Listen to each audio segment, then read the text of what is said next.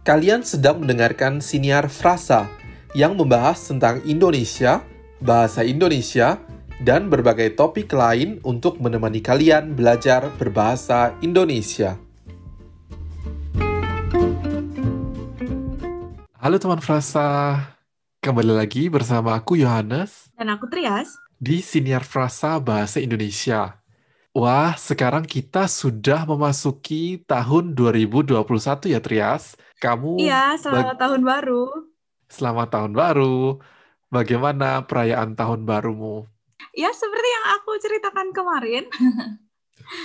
Berkumpul bersama keluarga dan ternyata di pukul 12 malamnya masih banyak yang menyalakan kembang api loh. Ah, oke. Jadi tetap meriah Yes. ya, dilengkapi Iya, dengan bakar-bakaran. Iya, sepertinya ya orang-orang menyalakan kembang api dari rumah masing-masing. Jadi eh, ya karena berbarengan jadinya ya tetap meriah. Ada yang dilihat, ada yang ditonton. Oke, menarik ya. Kamu sendiri bagaimana? Aku sendiri, ya aku tetap diam di rumah, tapi eh, ternyata juga di sini ada beberapa kembang api yang dinyalakan. Aku tidak tahu mereka membeli kembang api dari mana ya, karena di Jerman kan dilarang dijual. Mungkin mereka pergi ke Belanda untuk membeli kembang api lalu dibawa ke Jerman. Ya, mungkin seperti itu. Jadi ada Wow. beberapa sedikit sih. Aku rasa sih tidak sebanyak pada tahun-tahun sebelumnya ya. Tapi tetap ada. Ah, itu Oke. niat sekali sih. Iya. Oke, nah di tahun yang baru biasanya ada satu topik yang sering kali muncul ya, yaitu tentang resolusi. Ya, tentu. Sebenarnya apa sih artinya resolusi itu? Dan mungkin kamu bisa sedikit cerita pendapatmu mengapa di awal tahun orang selalu memiliki resolusi. Oke, eh, sebelumnya kita bahas kata resolusi sendiri ya. Ini fakta yang menarik karena kata resolusi itu dalam Kamus Besar Bahasa Indonesia justru tidak ada yang berarti keinginan atau harapan seperti yang biasanya kita pakai untuk resolusi tahun baru, resolusi tahun ini, seperti itu. Jadi, Iya, kata resolusi itu artinya ada tiga arti. Yang pertama, resolusi gambar, ya yang dihasilkan oleh monitor itu ya, iya. atau yang dihasilkan oleh mesin pencetak. Kemudian resolusi yang berarti solusi eh, dari suatu masalah atau putusan atau pendapat berupa permintaan atau tuntutan yang ditetapkan oleh rapat. Dan Oke. makna yang terakhir adalah resolusi yang eh, berasal dari dunia kimia, yaitu proses memisahkan materi seperti senyawa atau sumber radiasi elektromagnetik ke dalam bagian penyusunnya. Ini hal yang menarik ya, mungkin nanti bisa kita cari sebenarnya dari mana kata resolusi yang berarti harapan ini. Kalau dari pendapatku sih, ya ini kita mengadopsi ya dari bahasa Inggris, kan biasanya juga kita sebut resolution. Jadi akhirnya ya kita adopsi saja dan kita menyebut resolusi yang bermakna keinginan atau harapan. Jadi yang akan kita bahas sekarang ini bukan resolusi gambar ya, tapi resolusi berupa Iya, keinginan atau harapan yang ingin kita capai di tahun yang baru ini ya. iya. Kemudian menjawab pertanyaanmu selanjutnya, kenapa orang-orang memiliki resolusi di awal tahun? Aku melihatnya sebenarnya resolusi kita setiap tahun atau resolusi orang-orang setiap tahun yang mereka unggah di media sosialnya misalkan itu hal-hal yang mirip. Jadi sebenarnya apa yang belum tercapai di tahun lalu kemudian dijadikan resolusi tahun ini atau apa yang belum selesai tahun lalu akan dilanjutkan tahun ini gitu. Selain itu juga ini memberi motivasi ya untuk kita menjalani setahun ke depan gitu. Kalau misalkan kita punya tujuan kan ya menjalani hidup mungkin lebih berarti gitu. Oke, jadi resolusi ini memberi arti hidup ya. Mungkin juga karena ada pergantian tahun dari tahun sebelumnya ke tahun yang baru, mungkin kita juga ingin menyatakan ulang ya apa yang ingin kita capai di tahun ini. Ada tujuan baru begitu ya. Iya, seperti ungkapan yang biasanya kita kenal itu New Year, New Me. Tahun baru, yeah. aku yang baru. Maksudnya ya, ya kita dengan itu. dengan harapan yang baru, dengan tujuan yang baru. Nah, kalau kamu selalu punya resolusi tahun baru? Aku tidak selalu punya resolusi tahun baru seperti yang biasanya orang-orang buat ya, misalkan ingin jadi vegetarian atau apa, tidak seperti itu sih. Tapi kadang-kadang aku juga menuliskan beberapa hal yang ingin aku capai di tahun yang baru misalnya. Sebenarnya bisa dibilang resolusi juga sih. Kalau kamu bagaimana? Ya aku juga tidak yang benar-benar menulis nomor satu apa resolusinya, kemudian harus dicapai di bulan apa, tidak sedetail itu, tapi ya semacam gambaran umum saja. Seperti tahun ini ingin belajar bahasa baru, seperti itu tanpa detail yang jelas. Oke, nah untuk tahun 2021 ini resolusimu apa? Iya, karena kita mempersiapkan episode spesial kali ini ya, aku juga ingin menjadikan tahun ini spesial. Jadi aku okay. mempersiapkan beberapa resolusi yang yang lebih detail. Isi satunya tadi sudah aku sebutkan, ingin belajar bahasa baru. Oke, okay, wah menarik. Tapi bukan bahasa asing, aku ingin belajar salah satu bahasa lokal Indonesia. Oh ya, bahasa apa itu? Aku ingin belajar bahasa Batak. ah, oke. Okay. Ya, sebenarnya ya selama ini belajar tapi hanya dari mendengarkan orang bicara saja atau membaca blog-blog bahasa Batak kan biasanya mereka memberikan kata-kata sederhana kemudian artinya tapi aku ingin belajar lebih mendalami tentang tata bahasanya karena sepertinya ya lebih kompleks seperti bahasa Jawa itu. Ah oke. Okay. Kemudian ini sebenarnya ya resolusi dari beberapa tahun yang lalu dan akan terwujud di tahun ini sepertinya. Jadi aku akan pindah ke ibu kota, ke Jakarta. Dan resolusiku adalah bisa bertahan di ibu kota. Oke, karena ibu kota keras ya. Jakarta keras sih. Iya. Ya, itu aku sudah pernah menceritakan kan ya kalau misalkan aku ada cita-cita untuk mencoba hidup di Jakarta. Kemudian ya. oh iya, ini konkret sih, aku ingin mengambil tes bahasa Inggris yang sebelumnya sudah tidak berlaku. Jadi aku tidak memiliki okay. ya hasil resmi kemampuan bahasa Inggrisku. Kemudian juga makin aktif untuk mengembangkan frasa. ya, karena kita sudah uh, merencanakan untuk tidak hanya aktif di Instagram dan juga di Siniar, tapi juga kita akan mencoba platform lain untuk membantu teman-teman Frasa belajar berbahasa Indonesia. Nah, ini bocoran ya untuk teman Frasa sekalian.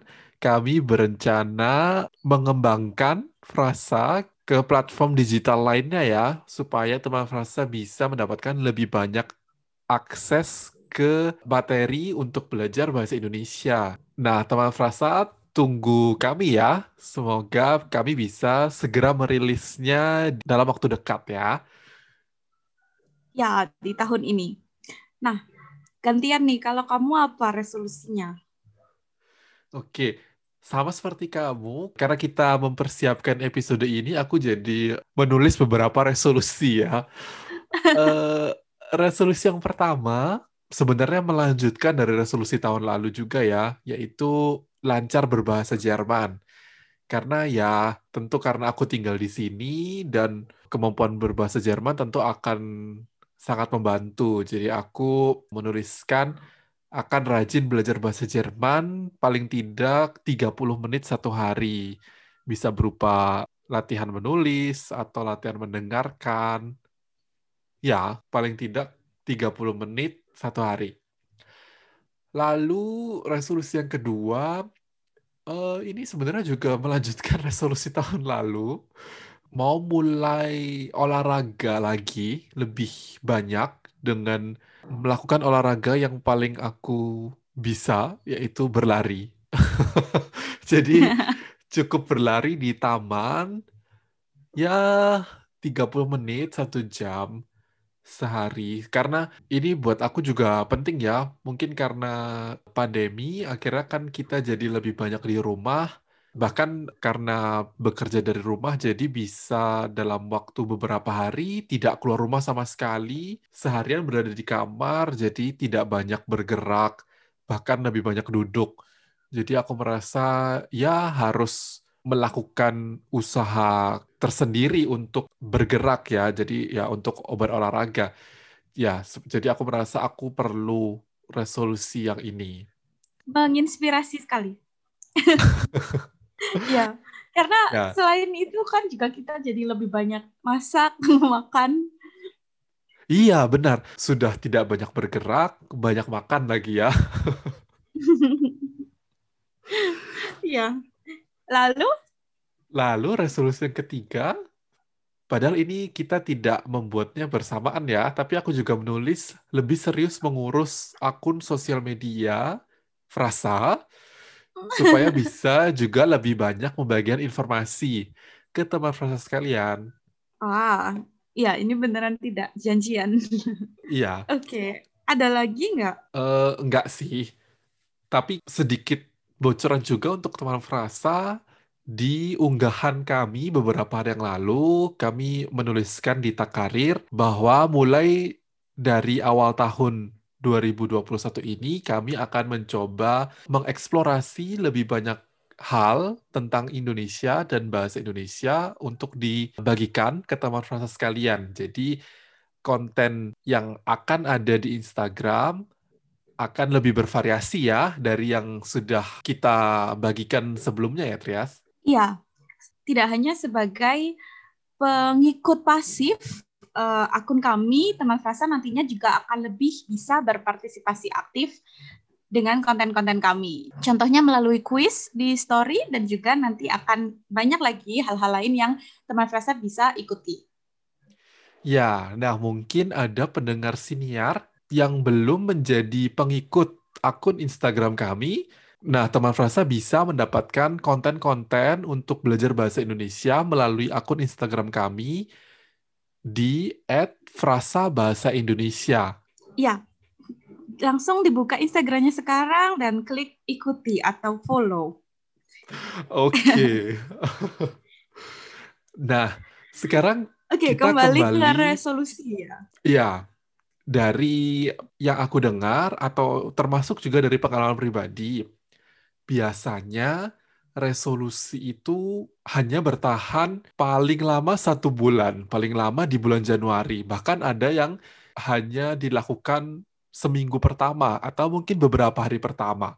Kira-kira kamu ada tips nggak supaya kita bisa terus termotivasi menjalankan resolusi kita supaya berhasil?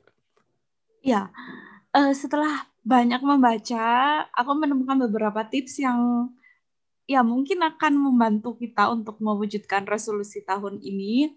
Jadi ini tidak hanya tips untuk teman frasa, tapi juga tips untuk aku sendiri. Oke. Okay. Yang pertama adalah daripada kita fokus ke tujuan atau resolusi besar, kita lebih baik fokus ke langkah-langkah kecil. Seperti pada ungkapan perjalanan seribu mil dimulai dengan satu langkah. Nah, itu mungkin kamu atau ada temanmu yang pernah mengikuti resolusi untuk menulis satu kali dalam sehari dan ya proyek menulisnya ini akan dilakukan selama satu tahun. Jadi proyeknya kalau tidak salah namanya 365 hari menulis seperti itu. Jadi mereka harus mengunggah satu tulisan setiap hari di sosial media mereka. Nah, dengan melakukan hal yang konkret seperti contoh ini, itu ya merupakan langkah kecil yang bisa kita lihat hasilnya. Jadi, oh hari ini aku sudah menulis, jadi besok aku harus menulis. Kemudian besoknya lagi harus konsisten gitu karena itu sudah diunggah seperti itu. Oke. Okay. Contoh lain tidak hanya itu tadi ya, tidak hanya memikirkan oh Instagram Frasa pengikutnya harus lebih banyak. Tidak memiliki resolusi yang bias seperti itu, tapi kita harus berani menentukan target. Seperti di bulan ketiga, pengikut Instagram Frasa harus sudah seribu gitu. Oke, jadi, Jadi harus dengan dengan angka ya. target, ya, jadi dengan target kita akhirnya bisa menentukan langkah-langkah apa yang harus kita lakukan untuk mencapai target itu. Oke, jadi jangan membuat tujuan yang tidak jelas ya. Harus ada suatu angka yang ingin kita capai ya. Misalkan jika Ya. kalau ingin berolahraga, ingin menguruskan badan, kita harus punya target harus mencapai berapa kilo gitu ya. Ya, benar. Jadi aku turun Oke. 5 kilo dalam dua bulan misalkan. Ya, Oke. tentunya harus realistis ya. tidak tidak kemudian memasang target "Aku harus turun 8 kilo dalam seminggu. Seperti Ya. itu nanti ya nanti malah membebani kita sendiri. Nah, ini Oke. sesuai sih sama aku kemarin menemukan dari New York Times ada artikel menarik tentang eh, bagaimana kita membuat resolusi dan kemudian merealisasikannya. Metodenya namanya SMART. Ini Ya. singkatan dari yang pertama spesifik. Ya, jadi Oke. Resolusi yang kita tetapkan itu harus spesifik, harus jelas. Jadi seperti contoh tidak hanya ingin belajar bahasa baru, tapi kita harus menentukan bahasa apa gitu. Iya. Mhm. Kemudian yang kedua dapat diukur seperti yang tadi kamu bilang, eh, kamu harus bilang angka dengan lebih detail. Aku ingin naik atau turun berat badan sekian, alih-alih hanya aku ingin lebih kurus, gitu. Ya, oke. Lebih jelas ya, lebih terukur. Oke. Iya. Kemudian resolusi adalah hal yang memang bisa kita gapai. Jadi bukan bukan tiba-tiba aku ingin memelihara kucing dari Afrika Oke, dan jadi ya ini itu A ya, terlihat achievable. ya. Kemudian R-nya relevan, ya, Ya. yang cocok dengan kita. Bukan resolusi yang sekadar ikut-ikutan teman-teman misalkan atau resolusi yang sedang tren Mhm. seperti ingin menjadi selebriti Instagram seperti itu Ya. ya eh, hal-hal yang sesuai dengan kita dan yang terakhir itu time bound ya Oke. atau kita bisa eh, menentukan target waktu itu tadi jadi kita harus eh, memperhatikan diri kita juga jadi biar bisa sehat baik secara fisik atau mental tidak capek jadi kita harus memberikan waktu yang masuk akal untuk eh, mencapai target itu tadi Tuh. Oke. Bagus sekali ya tipsnya. Jadi harus spesifik, measurable, dapat diukur, kemudian achievable, dapat diraih, relevan, harus sesuai dengan kita, dan time bound. Jadi kita harus memberikan waktu yang masuk akal ya untuk resolusi kita. Tips yang sangat menarik yang tentu bisa diaplikasikan untuk menjalankan resolusi teman frasa ya. Iya. Eh, Eh, kemudian juga sepertinya karena kita juga baru pertama kali ya menuliskan resolusi yang benar-benar jelas dan ya kita akan semoga lebih konkret ya, langkah-langkah yang akan kita lakukan. Aku juga menemukan tips yang mengatakan bahwa jangan terlalu banyak. Nanti ya kamu bingung dan harus Ah, tetapkan oke. mana yang prioritas. Ya. Satu demi satu, yang penting selesai ya. Iya, dan juga tidak hanya resolusi-resolusi yang sudah kita sebutkan tadi ya. Eh, resolusi tahun baru juga salah satunya harus berfokus pada pengembangan diri kita. Jadi tidak melulu misalkan tentang karir atau tentang mendapatkan materi, tapi ya harus berfokus pada diri kita seperti tadi eh, kamu lebih lebih banyak waktu untuk berolahraga, kemudian kita menambah skill baru, seperti itu. Itu akan lebih memotivasi daripada eh, menentukan resolusi-resolusi yang tidak berkaitan langsung pada diri kita. Oke. menarik ya. Salah satu poin yang kamu sebutkan tadi yang menurutku sangat penting adalah uh, kita harus membuat resolusi yang sesuai dengan kemampuan kita ya, yang achievable tadi, yang bisa yang bisa kita raih. Itu juga aku tulis sebagai salah satu tips. Jadi jangan membuat resolusi yang yang terlalu besar. Misalkan aku ingin jadi vegetarian misalkan dari yang sebelumnya selalu makan daging lalu tiba-tiba uh, secara mendadak ingin tidak makan daging sama sekali tentu akan sangat sulit ya untuk dicapai karena manusia memang makhluk yang cinta dengan keteraturan kebiasaan dan tentu akan sulit mengubah suatu kebiasaan langsung dalam sekejap ya. Jadi tentu harus pelan-pelan berubahnya. Misalkan uh, dalam satu minggu satu hari kita tidak makan daging sama sekali misalnya. Lalu kemudian bisa kita lanjutkan jadi dua hari tiga hari dan selanjutnya ya. Jadi tentu akan lebih dapat tercapai dibandingkan kalau kita langsung mengharapkan perubahan yang instan ya ya sangat setuju sih aku aku merasa kita perlu mencatat apa yang kita lakukan setiap harinya. Menurutku itu uh, sangat membantu kita melihat bagaimana kita sudah berproses. Jadi mungkin karena kita seperti yang tadi disebutkan, kita mengambil langkah-langkah kecil, kadang-kadang akhirnya jadi tidak terlihat efeknya apa perubahan yang sudah kita alami. Misalkan ketika kita belajar suatu bahasa baru atau ketika kita uh, mulai berusaha untuk menguruskan badan, menurutku kita perlu mencatat uh, perkembangan kita. Jadi misalkan nanti dalam tiga bulan uh, kita sendiri mungkin tidak terlalu merasa banyak perubahan, tapi ketika kita melihat catatan kita, kita bisa melihat, oh ternyata uh, tiga bulan yang lalu ada banyak hal yang belum kita mengerti, misalkan dalam suatu bahasa, ternyata sekarang kita sudah mengerti, atau mungkin berat badan kita tiga bulan yang lalu uh, sekian, oh sekarang ternyata sudah turun uh, cukup banyak, padahal ketika kita melihat perjalanan dari hari ke hari tidak terasa. Dan itu menurutku akan memotivasi kita untuk terus melanjutkan, meskipun dari hari ke hari langkah yang kita lihat mungkin tidak terasa. Wah, ya menarik. Seperti kita mengabadikan pencapaian-pencapaian kecil gitu ya. Iya, harus bisa merayakan pencapaian-pencapaian kecil ya. Iya. Oke, itu tadi tips dari kami supaya resolusi bisa berhasil diterapkan ya.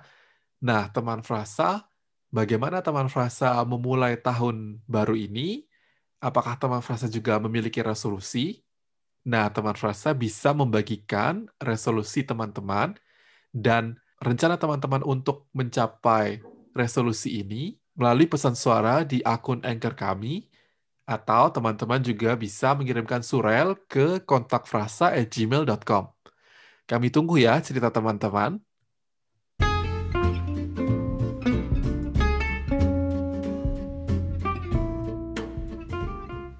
Ungkapan minggu ini.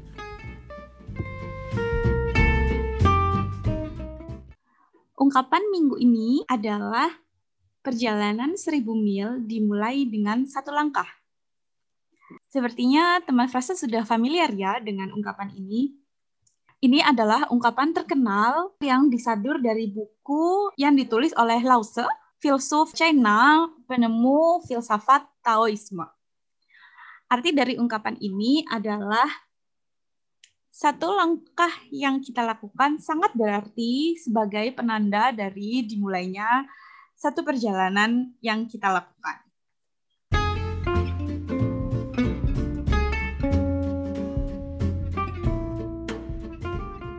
rekomendasi minggu ini.